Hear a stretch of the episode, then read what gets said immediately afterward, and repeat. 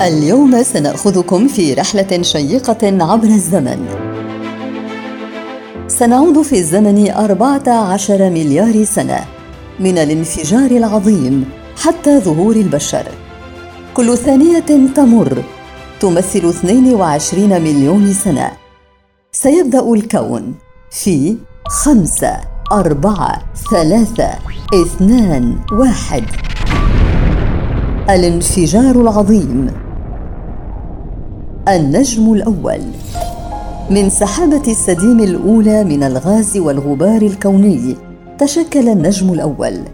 تعبق الجاذبية أنظمة النجوم معا في شكل مجرات شاسعة وتقودهم في رحلتهم عبر فضاء سحيق.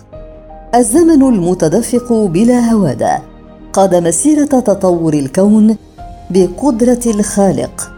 الذي خلق عجائب تفوق الخيال. بعض المجرات تشكلت قريبة جدا من بعضها لدرجة أنهم حبسوا في عناق من التجاذب. يا له من منظر ساحر. ومع تطوره يمر الكون عبر عصور متميزة أعمار مديدة لها بدايات ونهايات. نحن عبارة عن المنتج الرفيع التطوري المتعاقب من التطور الكوني الذي من الصعب علينا أن ندركه. تكوين مجرة درب التبانة.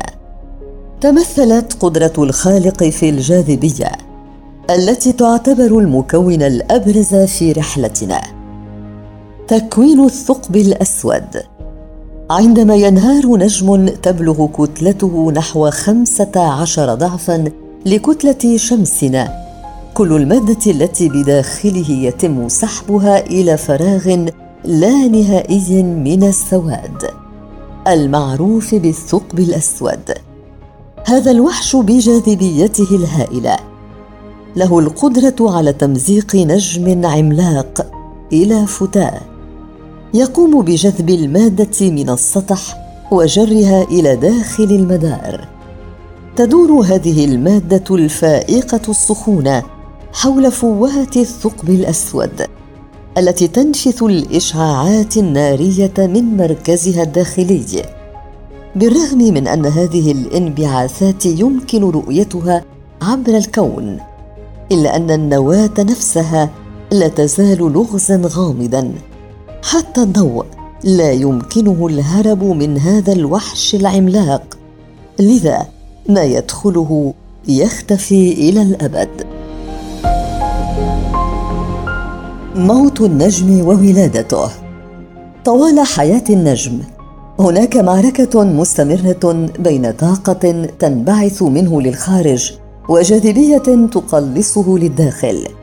عندما ينفذ النجم من الوقود ينكمش النجم ثم ينفجر. ينفجر بمقدار سطوع مليار شمس. وبينما يتم تمزيق النجم لأجزاء فإنه سيقلب في الفضاء كل العناصر التي تكونت في حياته وموته. نجوم جديدة تولد للوجود من بقايا النجوم الميتة. ومن هذه العملية الكونية من الموت والولادة من جديد. نشأنا نحن.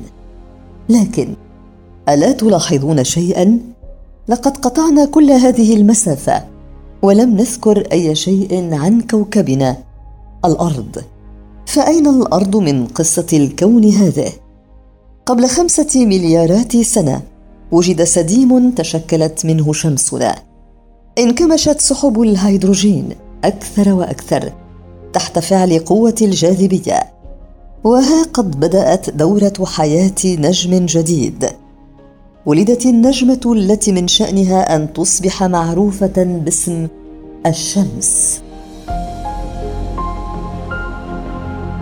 حول الشمس تشكلت شبكة من الكواكب من بينهم كانت الكرة الأرضية كوكبنا.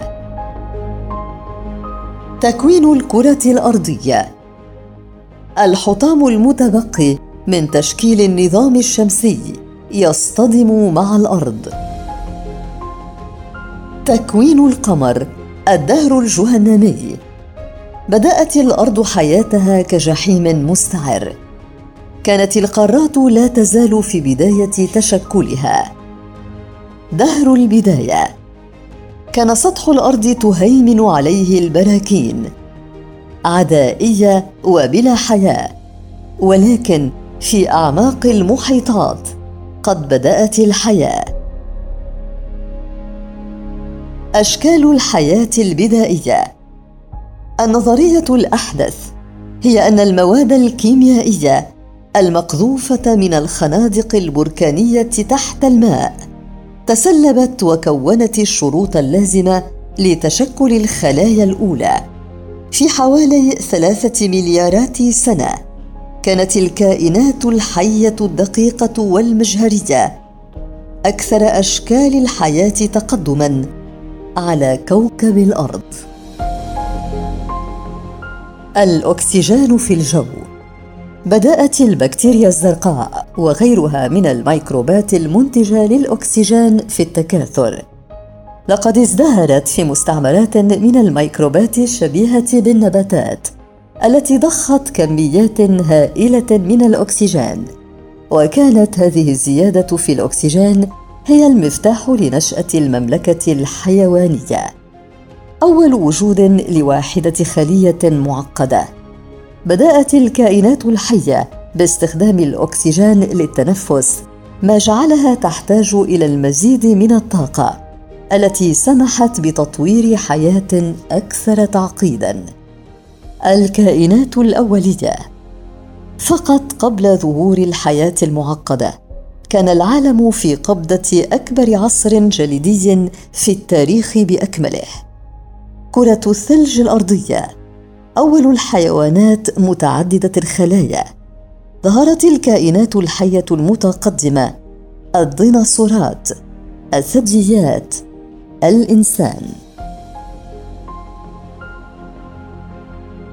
إلى هنا تكون قد انتهت رحلتنا. لكن ألا تريدون معرفة حجمنا من هذا كله؟ النقطة الصغيرة إنها الأرض بالنسبة لهذا الكون الشاسع. ويتفكرون في خلق السماوات والأرض. ربنا ما خلقت هذا باطلا. سبحانك.